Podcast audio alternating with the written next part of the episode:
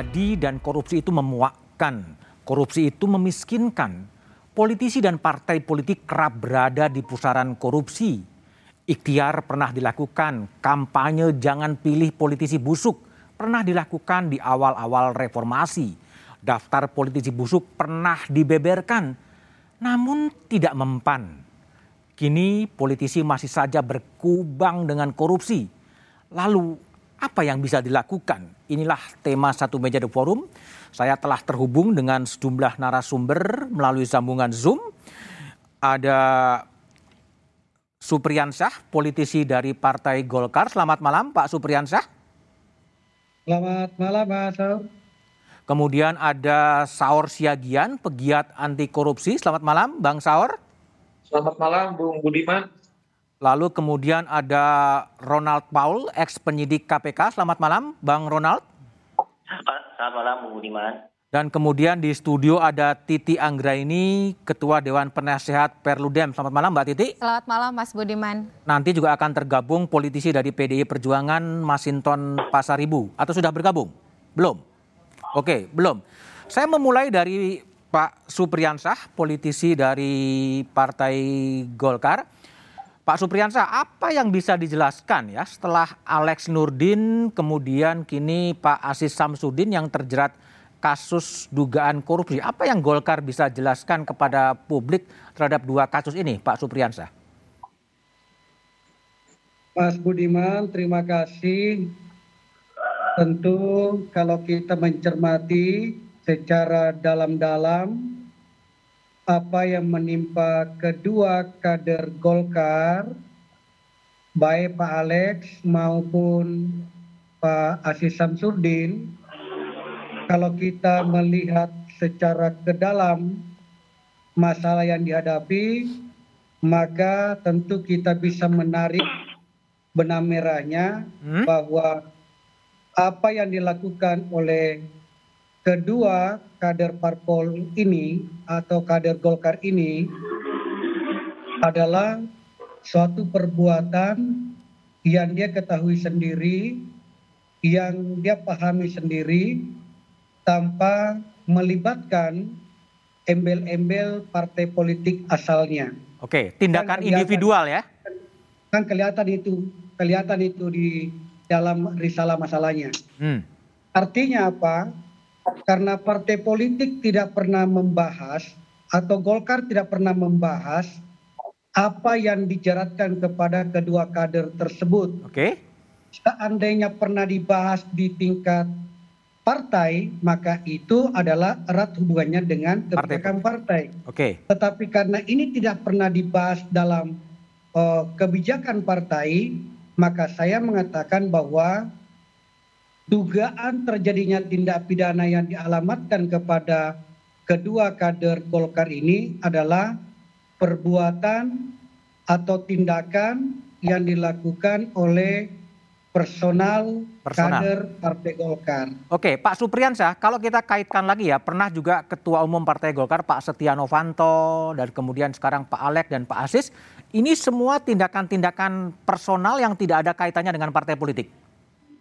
Saya benarkan itu karena kalau dilihat metodenya memang bukan menjadi keputusan Partai Golkar, Hmm? tetapi itu adalah tindakan dan perbuatan yang bisa diklasifikasi bahwa ini adalah tindakan personal kader gitu.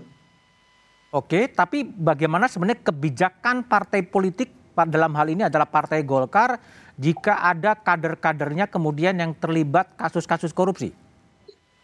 Seperti yang kita saksikan bersama bahwa Golkar memang hari ini kita mendengungkan Golkar bersih Oke, Artinya setiap kader yang melakukan atau yang didakwa atau yang sudah menyandang status tersangka, maka Partai Golkar akan menghapus namanya di dalam kepengurusan atau eh, kata sehari-harinya diberhentikan. oke. Pak Ajis sudah diberhentikan di partai politik kita sebagai wakil ketua umum, kemudian digantikan oleh Pak Adis Kadir. Hmm. Kemudian tadi sore sudah digantikan posisinya beliau oleh Bapak uh, Lodwig. Nah, itu artinya apa? Bahwa mesin Partai Golkar ini berjalan sesuai dengan undang-undang yang ada, Oke. undang-undang MD3 dengan pasal 87 itu dengan adanya pengunduran diri yang dilakukan oleh Pak Aceh Samsudin, maka Partai Golkar uh, sudah mengajukan nama pengganti tadi dan besok insya Allah akan diparipurnakan Mas Budiman. Oke, baik Pak Sub. Saya pindah ke Pak Saur Siagian dulu. Pak Saur. Ya. Jadi Ya, Bu. gimana Saur, jadi gimana Anda lihat ya banyak sekali kader-kader partai politik bukan hanya dari Golkar, kadang juga dari PDI Perjuangan, pernah juga dari PAN, pernah juga dari eh, apa Gerindra yang terlibat korupsi. Jadi yang, yang Saur lihat apa dari sisi itu sebetulnya? Eh, saya mulai dulu mengomentari Bung Supriyansyah. Eh, kasus Ajis misalnya kita tadi Hmm. sebut Budiman. Ajis kan tersangka beliau kan berkaitan kasus di Lampung, Ya. kader Golkar. Hmm. Kemudian namanya juga disebut kasus Tanjung Balai, juga kader Golkar. Dan juga kasus Bupati Kutai Kartanegara juga kader, eh, kader Golkar. Artinya adalah Bung Supriyansyah juga harus menjawab apakah memang ini tidak terkait kepada partai. Satu kedua, Bung Budiman atas pertanyaan Bung Budiman, mengapa? Memang kita tidak punya harga diri Bung Budiman, Tidak jadi punya harga diri. Serius. Kita ini kadang-kadang kalau masih cari kerja sih lumayan. Hmm. Tetapi kalau seorang kader Partai Golkar, pimpinan Golkar, kemudian merampok uang bansos, merampok rumah Tuhan, saya bayangkan ini kejahatan apa lagi yang bisa dituduhkan seperti itu.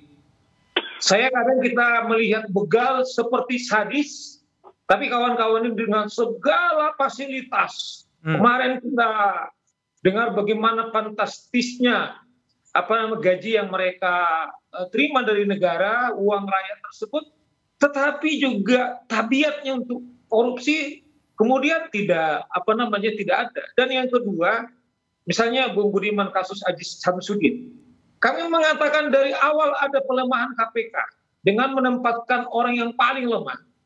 Aji Samsudin adalah ketua panitia pemilihan daripada saudara Firly Bahuri. Apa maknanya? Hmm. Jangan-jangan barangkali di kepala beliau ini, ini sekarang ini sudah kita bisa kontrol. Hmm. Tetapi ingat KPK ini adalah rumah rakyat. Oke. Oke, Oleh baik. karena itu saya kira memang kita harus kembali bahwa memang kita perlu punya martabat harga diri, bukan mau merampok uang negara atau sekedar cari kerja, gitu loh. Oke. Saya. Baik, baik. Coba kita lihat ya eh, apa grafis atau profesi-profesi seperti apa yang lebih banyak terjerat di KPK, mungkin bisa ditampilkan.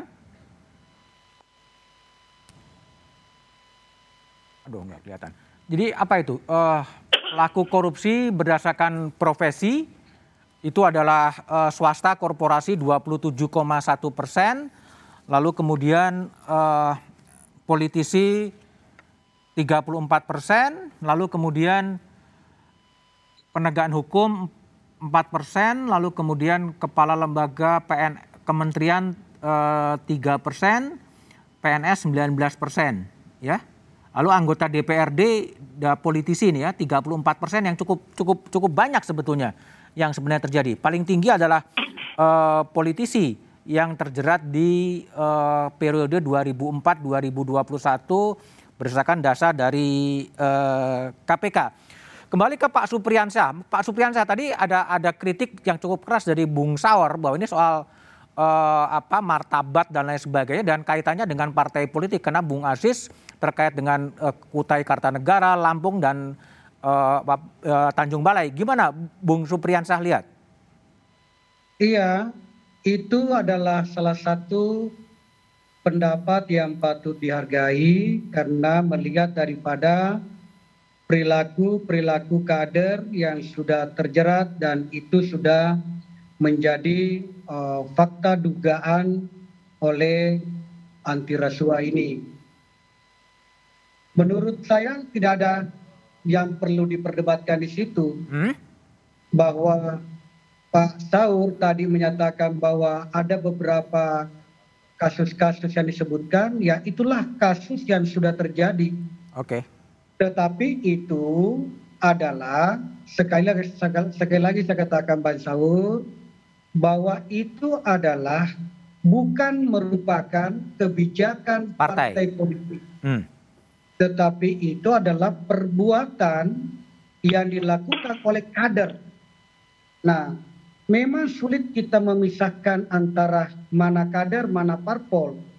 Tetapi kalau kita secara cermat melihat adalah dari lima dari 85 atau 86 anggota DPR misalnya dari Golkar di Senayan, maka tidak pernah dirapatkan di Senayan 85 orang ini misalnya Hmm. sepakat membahas salah satu eh, kira-kira apa yang menjadi tuduhan yang dituduhkan atau didugakan kepada salah satu kader misalnya Ban Saur. Oke. Itulah saya katakan bahwa saya tidak menampik itu analisa dan pendapat Ban Saur, tetapi saya mau mengajak kepada seluruh pemirsa masyarakat bahwa eh, ini adalah mesti kita memisahkan di mana kader berdiri, di mana Oke. partai politik berdiri. Oke. Karena setiap kita rapat ini Bang Saur, Tidak pernah dibahas ya. rapat-rapat selalu ketua umum menyampaikan selalu menyatakan bahwa setelah wahai para kader berhati-hati Oke. karena bukan hanya kita mengambil uang negara kita dikatakan korupsi tetapi kita salah mengambil sebuah kebijakan yang membuat orang lain eh, menjadi ada keuntungan yang didapatkan orang lain di situ yang mengakibatkan kerugian negara Korupsi maka juga. kita pun kenakan oleh Oke. eh, undang-undang korupsi itu. Baik, Jadi Pak memang- Supriyansyah. Baik, saya coba pindah ke Masinton Pasaribu, politisi dari PDI Perjuangan. Bung Masinton, jadi apa eh, PDIP juga kadang juga ada juga kader yang terakhir mensos Juliari Batubara yang terkait dengan korupsi di Bansos. Gimana PDIP melihat fenomena banyaknya politisi atau kader-kader partai politik yang kemudian terjerat kasus korupsi? Uh, kalau kami PDI Perjuangan secara kepartaian selalu Ibu Ketua Umum, Ibu Haja Megawati selalu memberikan uh, apa pengarahan-pengarahan Hmm? bagaimana komitmen partai terhadap negara dan rakyat. Oke. Nah, s- dalam setiap momen bahkan uh, PDI Perjuangan memiliki uh, sekolah kader partai uh, terbaru kemarin 19 tanggal 19 bulan September lalu Ibu Mega juga mengingatkan dalam uh, uh, pelatihan kader gitu. Jadi bagaimana dalam mengelola ya ke pemerintahan kemudian kader-kader yang ada di legislatif maupun eksekutif supaya eh, apa tidak terjebak dalam eh, pusaran yang disebut korupsi itu. Nah, kalau kita melihat eh, Pak Budiman dalam skala eh, apa kasus ya eh, bahkan itu KPK sendiri merilis bahwa 70% kasus korupsi itu adalah suap begitu. Suap. Nah, artinya memang persoalan yang terjadi yang banyak itu kan 70% dari yang kasus yang disebut korupsi itu Hmm. terbesarnya adalah suap dan gratifikasi Oke. yang kalau kita melihat memang dan di sana ya banyak menggunakan pengaruh apa segala macam begitu ya dengan jabatan mempengaruhi satu kebijakan yang itu bisa menguntungkan baik diri sendiri maupun orang lain. Nah, Artinya juga ini sini- tindakan individual ya Mas Inton yang nggak ada kaitannya dengan partai politik ya? Ya kalau kalau eh, partai politik kan jelas ya arahannya itu tidak ada Oke. untuk melakukan perbuatan-perbuatan yang secara lembaga Hmm. gitu ya terstruktur dan dan terlembaga tersistematis seperti itu tidak. Oke. Tapi memang pada eh, persoalan masing-masing individu seperti itu. Nah tentu partai selalu mengupayakan bagaimana menciptakan sistem baik itu di internal partai Oke. ya kemudian mendorong sistem dalam berne- bernegara bagaimana eh, mampu mencegah potensi-potensi perbuatan ya yang dikategori korupsi tadi Oke. baik suap gratifikasi maupun yang bersifat berpotensi merugikan keuangan negara. Baik, Bung Masinton, saya ke Mbak Titi Anggra ini, Mbak Titi Ketua Dewan Penasihat Perludem. Mbak Titi, kalau banyak sekali kader-kader partai ya yang kemudian terjerat dalam kasus korupsi, apakah memang ini ada problematika di kepartaian atau memang langkah-langkah individual? Saya dengar Perludem pernah membuat kajian soal itu ya, tapi jawaban Mbak Titi setelah jeda berikut ini.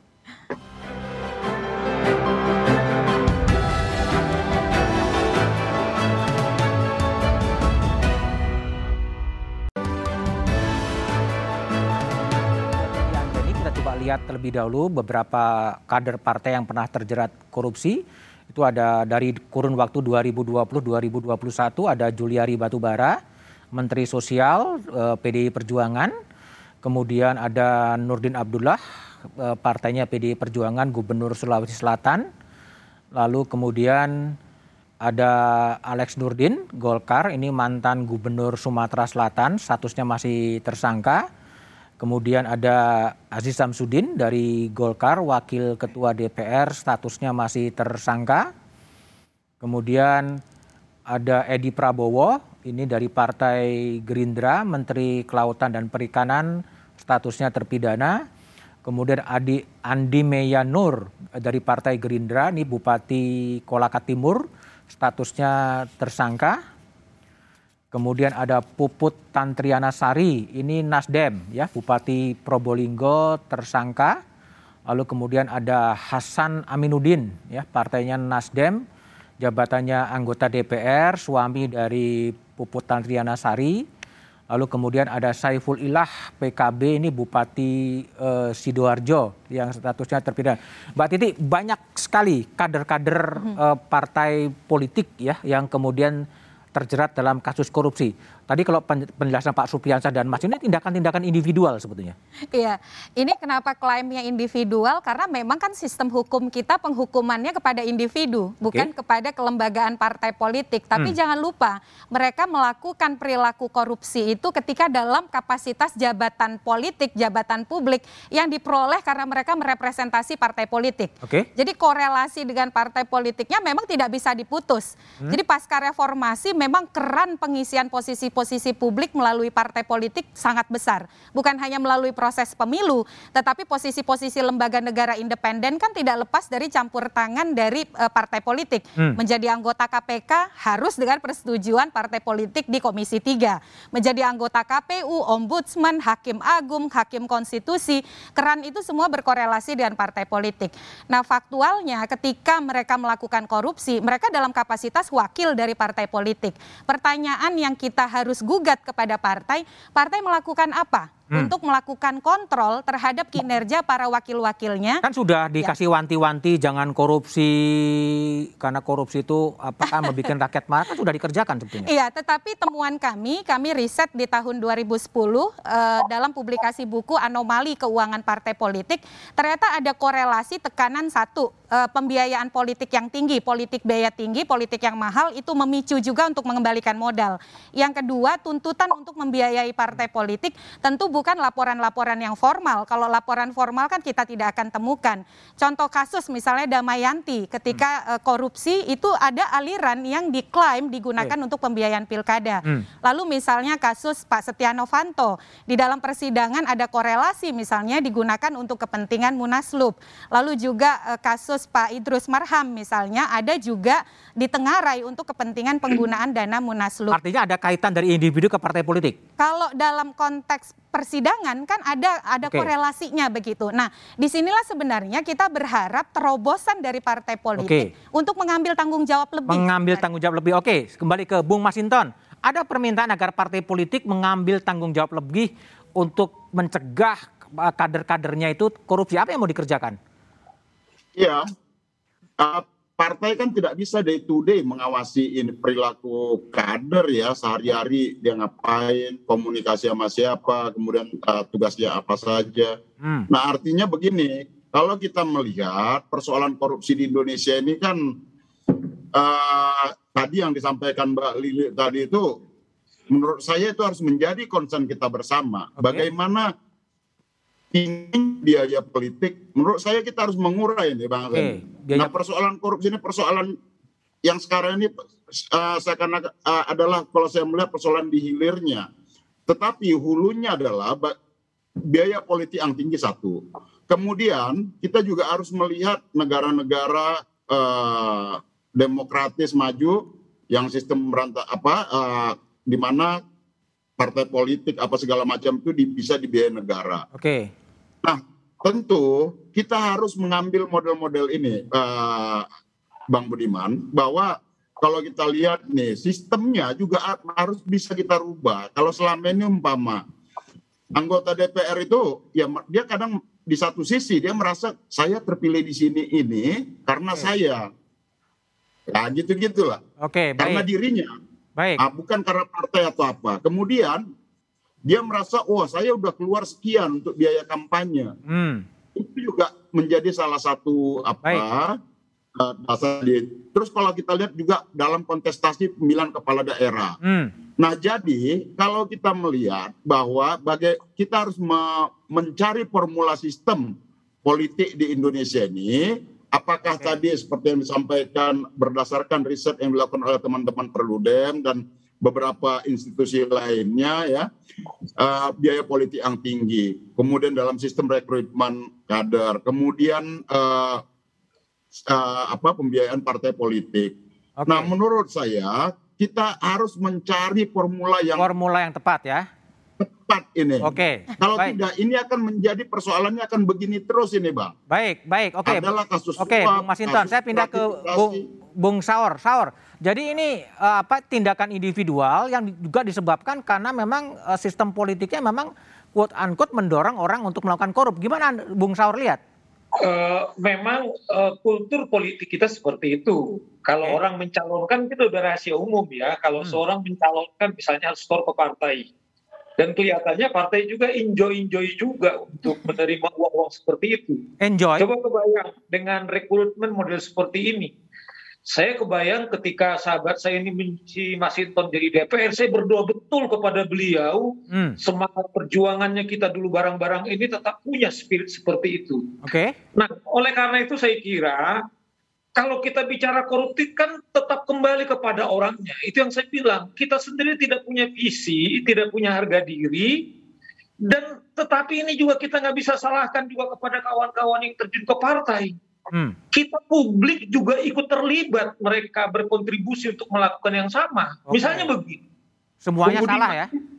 Misalnya begini, kita punya tag, ambil uangnya tapi jangan pilih orangnya. Itu juga kan penghinaan juga. Oke. Kalau mau kita merawat Masinton, Bung Supriyan tetap baik, kita jangan juga dong, harus juga menjaga jarak, harus juga mengatakan itu terhina itu kalau saya terima. Oke. Sehingga kita bisa dorong kawan-kawan ini menikmati gaji yang kita berikan, tanpa harus dia juga berjuang untuk juga memberikan uang lebih kepada masyarakat. Nah, saya pikir juga kita harus holistik juga melihat gitu loh. Tetapi lebih fundamental adalah kawan-kawan ini harus menghayati apa sih panggilan dia mau jadi anggota DPR. Oke. Apa sih saya visi saya menjadi partai, partai politik? Baik. Partai politik tujuannya kan untuk mensejahterakan.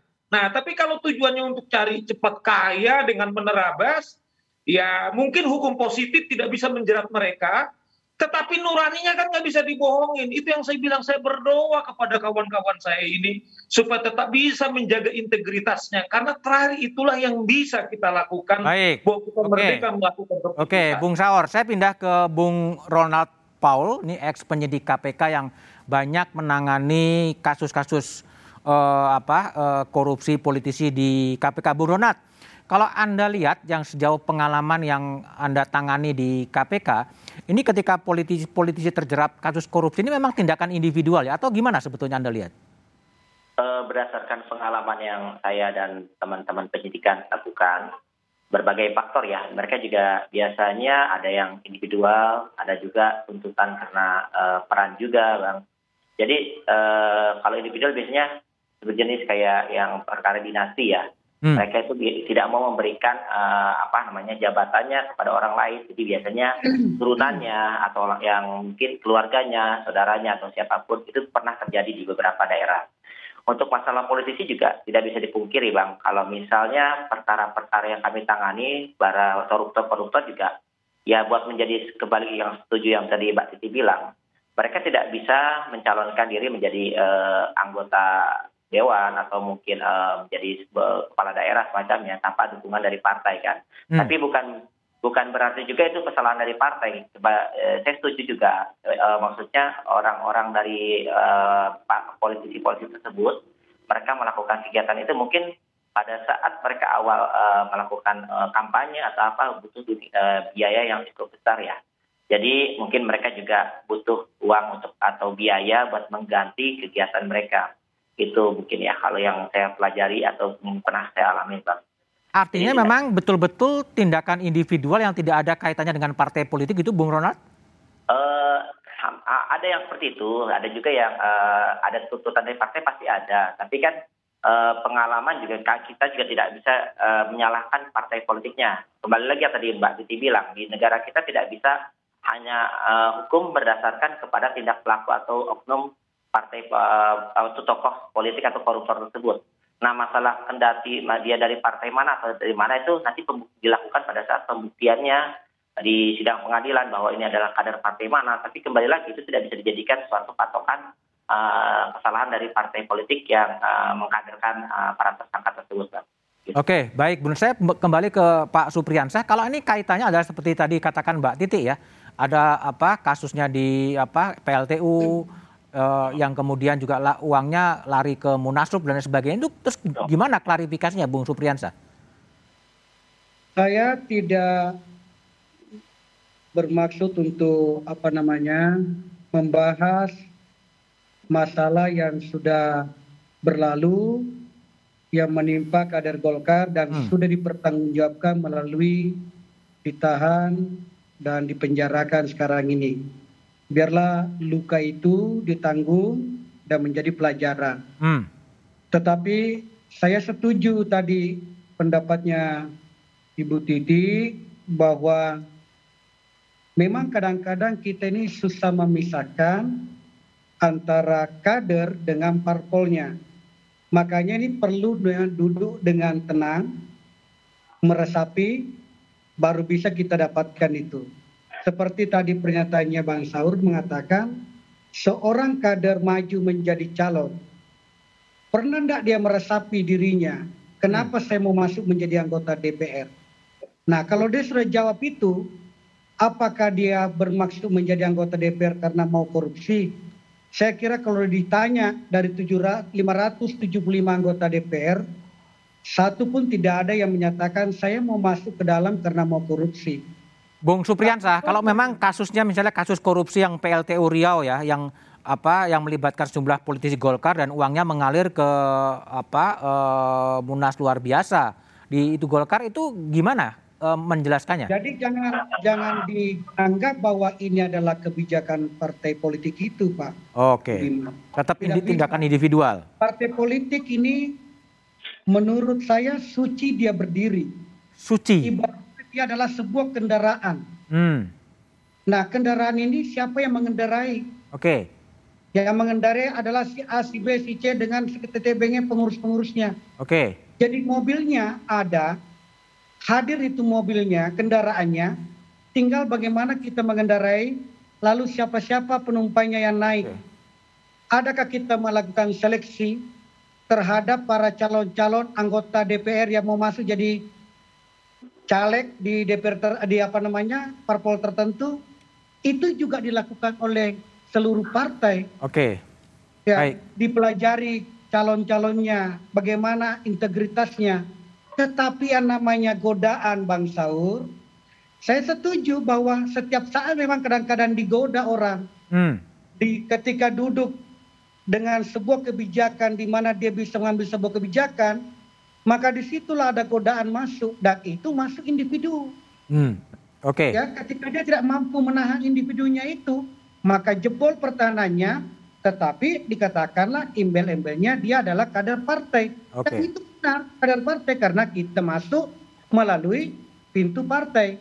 Baik. Baik, Bung Supriyansa, Mbak Titi. Ya, jadi partai partai politiknya sebenarnya suci ya. Ini ya. kendaraan ya. yang tergantung penumpang-penumpangnya. Jadi nggak mungkin dikaitkan bahwa partai politik kemudian uh, dihukum atau dijerat seperti perusahaan ada tindakan yang menjerat korporasi. Ini gimana kalau Bung Mbak Titi ya. lihat? kita sama sekali tidak ingin melakukan deparpolisasi ya. Hmm. Jadi dalam konteks itu itu tidak pada hal deparpolisasi, tapi kita ingin memastikan partai politik sebagai institusi demokrasi ini dikelola secara demokratis. Okay. Dan salah satu elemen demokrasi adalah anti korupsi. Hmm. Mengapa kemudian tuntutannya kepada partai politik? Karena ternyata ada korelasi antara uang hasil korupsi dengan upaya untuk penggunaan pembiayaan kepentingan-kepentingan partai. Ada korelasi gimana? Ada korelasi misalnya tadi disebutkan di kasus Damayanti. Ada hmm. pengakuan bahwa sekian ratus juta, 400 juta lebih digunakan untuk pembiayaan pemenangan pilkada karena hmm. dia sebagai kader perlu memastikan kader yang lain untuk berkontestasi.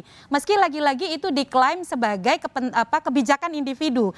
Tetapi begini, ada satu persoalan di dalam pengelolaan pendanaan partai kita yang problematik, yaitu bagaimana kesadaran untuk memastikan dana yang beredar di partai itu semuanya akuntabel dan anti korupsi. Okay. Itu yang miss atau itu yang kemudian menjadi celah besar sehingga ketika dana-dana ilegal tadi beredar dan kemudian di dalam persidangan misalnya dilihat ada benang merahnya, klaimnya kan selalu mengatakan itu perilaku individu. Hmm. Nah, pertanyaan moralnya ketika ada korelasi antara uang hasil korupsi dengan kepentingan untuk pembiayaan aktivitas partai, partai melakukan apa? Oke. Okay. Di beberapa negara ada eh, langkah-langkah uh, yang memang terobosan didorong untuk mengontrol ini.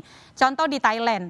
Kalau ternyata ada korelasi antara uang politik uang yang digunakan jual beli suara dengan kepentingan partai dan itu diketahui oleh partai atau partai membiarkan, Mahkamah Konstitusinya bisa membatalkan kepesertaan partai tersebut di pemilu. Hmm. Bahkan partainya dibubarkan gitu hmm. ya. Meski dalam saat banyak aspek Thailand lebih tidak demokratis dari kita. Tapi soal penegakan hukum terhadap politik uangnya, pengadilannya lebih powerful untuk okay. membubarkan partai melakukan politik uang. Atau dorongan kami sejak lama misalnya begini, karena persoalan korupsi ini persoalan laten di bangsa kita, persoalan kejahatan luar biasa dan itu yang membuat indeks korupsi eh, indeks anti uh, indeks demokrasi kita turun ya. Hmm. Indeks demokrasi kita turun, persepsi okay. uh, korupsi kita memburuk.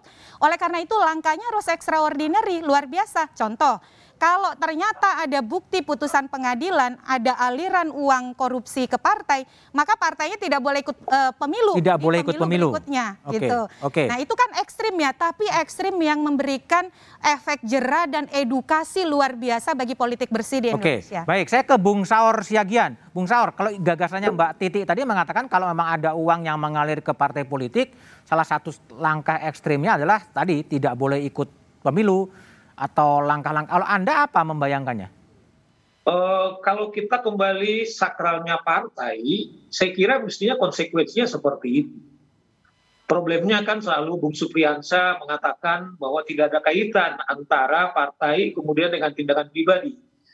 Bagaimana Bung Supriyansa kemudian menyimpulkan pertemuan-pertemuan misalnya kader mereka soal Ajis menggunakan fasilitas rumah dinas misalnya Bagaimana Bung Supriyansa kemudian mendefinisikan posisinya dia wakil ketua DPR kemudian tidak berpengaruh dalam lobby-lobby, dalam tindakan-tindakan eh, apa namanya koruptor eh, koruptif tersebut gitu loh. Nah, oleh karena itu saya kira kalau memang kita mau serius ya, kecuali kita punya motif yang lain, mestinya partai yang mendorong atau ketua partai yang harus kemudian mendeklar dirinya bahwa mereka tidak pantas sebenarnya mendirikan atau memimpin partai. Oke. Okay. Problemnya adalah sekarang ini misalnya eh, pengusaha pun mau menjadi pimpinan partai. Kemudian eh, di Indonesia sekarang eh, dipimpin oligarki partai. Nah, pertanyaan-pertanyaan fundamental yang kelihatannya agak agak terbiasa itu yang kita kehilangan. Kita kehilangan misalnya berbagai berkali-kali Bung Budiman. Okay. Baik. Menyebut misalnya Hatta hanya mau bermimpi punya sepatu apa namanya beli saja sampai di pensiun nggak bisa. Itu pride mereka.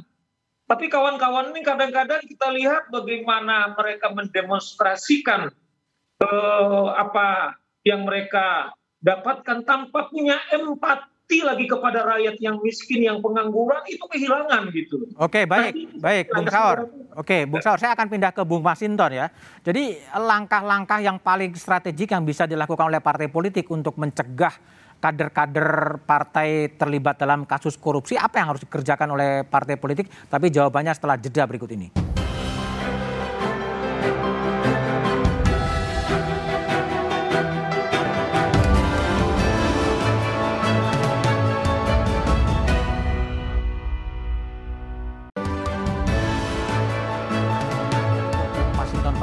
Bung Masiton, jadi apa yang harus dilakukan dan di, di, oleh partai politik agar korupsi di kadernya itu tidak terjadi dan terjadi lagi? Ya, pertama uh, Bang Budiman yang perlu kita uh, apa? Kita harus merekonstruksi sebenarnya ya, menata ya, menata kembali nih okay. sistem politik kita. Kalau dalam aspek negara ya, kita harus berani dari mulai pembiayaan partai politik, kemudian uh, apa pembiayaan kampanye setiap hmm. calon baik kepala daerah, legislatif hmm. di pusat daerah apa segala macam. Kemudian aspek pertanggungjawaban dan kemudian diaudit. Okay. Nah, sampai kemudian sanksi terhadap uh, kader partai maupun partai politik yang terlibat dalam pusaran korupsi. Itu itu desain uh, menurut saya konteks negara modern dan demokratis serta anti membangun anti korupsi tadi. Nah, kalau sistem kita masih seperti ini, yang paling bisa dilakukan oleh partai umpama kami PDI Perjuangan melalui Ibu Ketua Umum selalu menekankan bagaimana pentingnya budaya gotong royong. Membangun kebersamaan, umpama pembiayaan bersama terhadap calon-calon kepala daerah. Contoh ada pilkada. Hmm. Bagaimana kami bergotong royong bersama-sama sehingga beban itu beban uh, kampanye itu tidak lagi hanya ditanggung oleh seorang calon, tetapi uh, semua kader sehingga bisa menjadi lebih ringan dan kemudian kita mampu meminimalisir uh, persoalan korupsi tadi okay. yang dilakukan oleh kepala okay. daerah. Kemudian kami tidak ada yang mengenal istilah mahar karena yang kami kedepankan adalah di, bagaimana kami mengedepankan kader-kader partai yang memang uh, dekat dengan rakyat. Oke, baik. Nah, itu salah satu upaya-upaya untuk meminimalisir. Kemudian uh, sekolah partai dan pelatihan-pelatihan. Oke. Ya. Hmm. Itu yang juga kami lakukan. Bagaimana juga Ibu Ketua Umum menekankan aspek ideologi dan pembumian ideologi dalam uh, jiwa seluruh kader. Bagaimana hidup sederhana, bagaimana memaknai uh, spirit wong cilik atau kaum marhaine dora air kecil. Oke, baik, nah, Bung Masinton. Oke, saya pindah ke Pak Supriyansa. Pak Supriyansa, kalau Golkar, apa yang akan dilakukan untuk mencegah agar apa kader-kader partai ini tidak terjerumus pada isu-isu korupsi? Sebenarnya sangat uh, nyata sekali setiap pada kesempatan Mas Budiman, hmm? ketua umum kita ini selalu menyampaikan kepada eh, kader-kader uh, partai yang memiliki posisi baik di legislatif maupun di eksekutif. Jangan pernah mengambil yang bukan okay. hakmu. Kan jelas itu perintahnya itu. Jangan okay. mengambil yang bukan hakmu. Oke. Okay. Kalau ini didengarkan merupakan sebuah instruksi dan menjadi kita takut untuk berbuat, maka tidak ada itu yang terjadi seperti hari ini. Jadi tidak Hanya mendengar memang, ketua umum ya? Ya, selalu itu kalau okay. kita ada pertemuan, ada rapat, selalu itu disampaikan. Baik, baik. Oke, okay, baik. Beberapa yang saya mau sampaikan Pak Budiman bahwa tetapi kan tidak bisa kita memudahkan uh, menjustifikasi satu perbuatan ini menjadi perbuatan secara keseluruhan. Baik, ya. Berat itu dijustifikasi seperti itu. Kenapa? Karena setiap orang punya pola pikir yang berbeda. Baik. Setiap orang memiliki kira-kira cita-citanya yang berbeda. Seperti yang disampaikan tadi Bang Sau.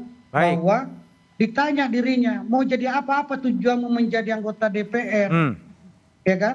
Kalau ditanya seperti itu kan semua sama. Ingin mengabdi untuk bangsa dan negara. Ya kan begitu kira-kira mengabdikan diri. Kira-kira gitu loh anunya. Oke, baik. Baik, Bu Supriyansa, saya pindah ke Bung Ronat uh, Paul dari ex ya. penyidik KPK. Jadi kalau menurut hasil apa pengalaman Anda seperti untuk mencegah kader-kader partai itu korupsi, apa sih yang harus dikerjakan sebenarnya, Bung Paul, Bung Ronald? Ya, kalau dari pengalaman ya, eh, kalau misalnya kader partai itu untuk mencegah itu, sebenarnya di setiap partai kita juga udah diskusi di penjagaan selain penindakan juga ya. Eh, di setiap setiap partai pasti ada pendidikannya seperti yang disebutkan tadi sama Bang Saul juga, Hmm. sorry, Bang Masinton bahwa ada jenis pendidikan eh, tentang integritas, tentang bagaimana eh, menghargai wong cilik atau semacamnya. Begitu juga di seluruh partai ya, Golkar dan semacamnya. Tapi kembali lagi, terkadang kan itu tidak semua kader partai atau setiap orang eh, partai itu yang bisa menjalankan sesuai arahan dari pemimpinnya ya. Hmm.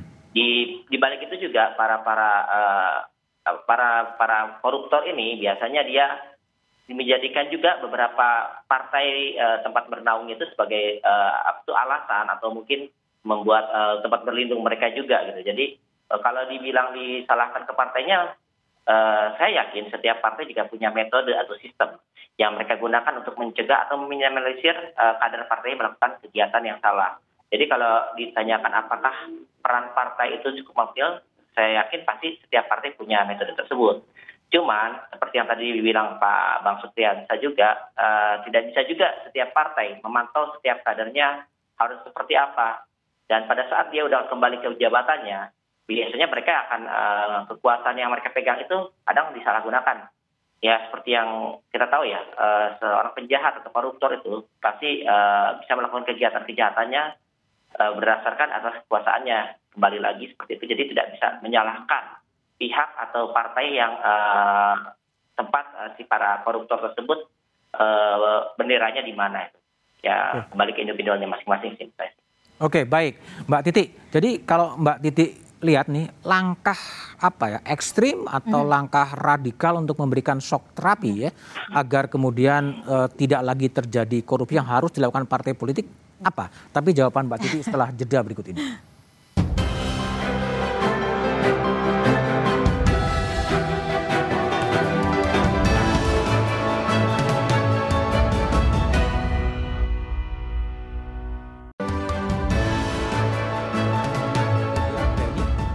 singkat, apa yang harus dilakukan oleh partai politik agar korupsi itu berhenti dilakukan? Iya, harus ada terobosan dan perbaikan komitmen ya, harus ada progres eh, komitmen anti korupsi. Oleh karena itu usulannya sederhana, Mas Budiman. Partai itu takutnya cuma dua. Satu, tidak bisa jadi peserta pemilu. Dua, tidak dapat kursi. Nah, oleh karena itu harus ada disinsentif kalau kadernya terbukti melakukan praktik korupsi. Disinsentifnya apa? Pertama, kalau ternyata kadernya melakukan korupsi saat menjabat mewakili partai, maka dia tidak bisa di PAW dari kader partai yang sama. Jadi diberikan pada partai yang lain atau dibiarkan kosong. Yang kedua, kalau kader partainya melakukan korupsi dan dia berasal dari dapil tertentu, maka partai tersebut tidak bisa menjadi peserta pemilu minimal di dapil tersebut kalau tidak mau secara keseluruhan. Jadi kalau korupsinya misal di dapil Banten 3, maka pemilu ke depan partai tersebut tidak bisa menjadi peserta pemilu di dapil Banten 3. Karena ini sudah menjadi patologi demokrasi kita luar biasa. Kalau tidak ada langkah yang luar biasa, selalu maka kemudian ada excuse toleransi ataupun seolah-olah diskonektivitas gitu ya antara kader yang korupsi dengan partainya. Oke, baik. Saya ke Bung Saur pendek. Jadi apa langkah yang harus dilakukan untuk mencegah korupsi itu betul-betul tidak terjadi lagi? Eh, Tek Kompas TV independen terpercaya adalah kalimat mati. Tapi dihidupkan oleh Budiman dengan jurnalis yang bekerja di Kompas. Nah, begitu juga Bung Supriyansa kalau mengatakan bahwa partai itu suci, yang menghidupkan itu Bung Supriyansa, sahabatku Mas Sinton, mereka lah yang membuat partai ini suci. Hmm, Tetapi saya kira tidak berhenti di sana, publik juga kita tuntut juga Oke. kita juga harus hukumi publik juga harus men- kalau menerima uang dari Masinton, dari Supriyansa, mereka ini juga pengkhianat demokrasi, harus balance, harus holistik. Itu yang kita harapkan nanti kita mendapatkan kader-kader partai yang punya integritas, karena bukan saja mereka menjaga di dalam dirinya, kita mengawasi gitu loh. Oke. Sehingga kita yakin terus. Supriyansa, Masinton ketika dia menyelewengkan mandat dan tugas dan fungsi mereka. Itu Oke. menurut saya. Baik, Bung Ronald Paul. Jadi kalau sebagai penyidik ex penyidik KPK, saran apa yang Anda harus lakukan agar korupsi ini betul-betul berhenti? Ya kembali lagi sih bang, pada saat seorang dilantikan biasanya dia bersumpah ya bang ya. Hmm. Itu, kembali lagi dia, dia harus berpegang teguh pada sumpahnya bang. Saya itu juga uh, banyak di slogan-slogan di kantor kami dia lihat lawan laporkan. Jadi jangan lihat teman atau itu sahabat atau kawan atau lawan. Kalau emang merasa dia atau kadernya bersalah, hukum, ponis, maka partai juga harus berani melakukan itu. Dan ya hukumannya setuju dengan kata Mbak uh, tadi ya, harus keras. Kalau perlu dia tidak bisa mencalonkan lagi di dapil tersebut. Atau kalau sanksi lebih beratnya lagi, mungkin jangan kembali lagi ke partai yang uh, pernah mengangkat uh, tersangka tersebut menjadi kader partai tersebut. Jadi didepak lah, jangan sampai masuk lagi. Seperti itu sih Bang. Oke, baik. Bung Masinton, ada usulan disinsentif bagi partai politik. Gimana Anda merespon itu? Iya, itu salah satu upaya ya. Hmm. Ya, tetapi menurut saya itu kan uh, apa? Tidak tidak akan bisa menghilangkan itu. Oh. Nah, artinya begini, kita harus merubah betul sistem politik kita Hmm. dari mulai aspek pembiayaan. Oke. Baik pembiayaan dari rekrutmen, kegiatan rekrutmen, kaderisasi partai politik itu satu. Yang kedua, pembiayaan eh, kampanye. Oke. Itu menurut saya beberapa negara menerapkan itu, Pak. Eh, negara menanggung semua dihitung tuh berapa tuh biaya masing-masing eh, peserta pemilu tuh. Oke. Nah kemudian ya di situlah ada yang namanya audit terhadap penggunaan anggaran Hmm. dan kemudian diberikanlah sanksi jika ada yang melanggar tadi. Hmm. Eh, yang tadi juga des, des insentif apa segala macam. Nah, apa pun bang, kalau kita berbicara tentang partai politik, partai politik ini adalah sumber rekrutmen kepemimpinan di level negara, baik Hmm. pemerintahan pusat maupun daerah. Nah, negara dalam hal ini kita ingin negara ini dikelola oleh orang-orang yang benar. Oke. Nah, sistemnya juga harus kita bikin benar. Kita nggak ingin lagi ada partai politik, kader-kader partai politik yang terjer terjerembab Oke, kasus baik. suap, gratifikasi dan yang disebut Baik. korupsi tadi. Oke. Maka sistem ini harus kita urai semua. Sistem diubah. Oke, Bung Masinton. kita Oke, kita baik. biarkan begini, Bang. Ini akan terjadi pengulangan-pengulangan Ya, yang terus oke. menerus terus menerus. Perubahan sistem Maka politik ya. Kita harus berani. Oke, baik. Bung Supriyansah, jadi apa resepnya untuk menghentikan eh, korupsi? Kalau saya singkat, baik yang menjaring calon punya integritas maupun calon yang akan menjadi legislatif, menjadi pemerintahan di tingkatannya masing-masing adalah mereka yang memiliki integritas tinggi. Hmm. Kalau sudah dimiliki dua-duanya ini, selesai itu urusan Bang Budiman. Integritas sebagai syarat utama ya. Oke, Bung Supriyansah, terima kasih. Bung Masinton, Bung Saur, Bung Ronat, dan Mbak Titi Anggreni, terima kasih telah bergabung di satu meja The Forum. Skandal korupsi berkepanjangan membuat rakyat frustrasi. Perlawanan muncul di sebuah negara. Di partai politik yang menjadi benteng utama demokrasi sedang digoyang oleh korupsi. Tak kala partai politik ditinggalkan, demokrasi akan lumpuh. Oscar Arias Sanchez, peraih Nobel dari Costa Rica. Demikian satu meja The Forum malam ini. Pandemi belum berakhir, tetap gunakan masker, hindari kerumunan, dan jangan lupa cuci tangan, dan jangan lupa ikut vaksinasi. Selamat malam dan terima kasih.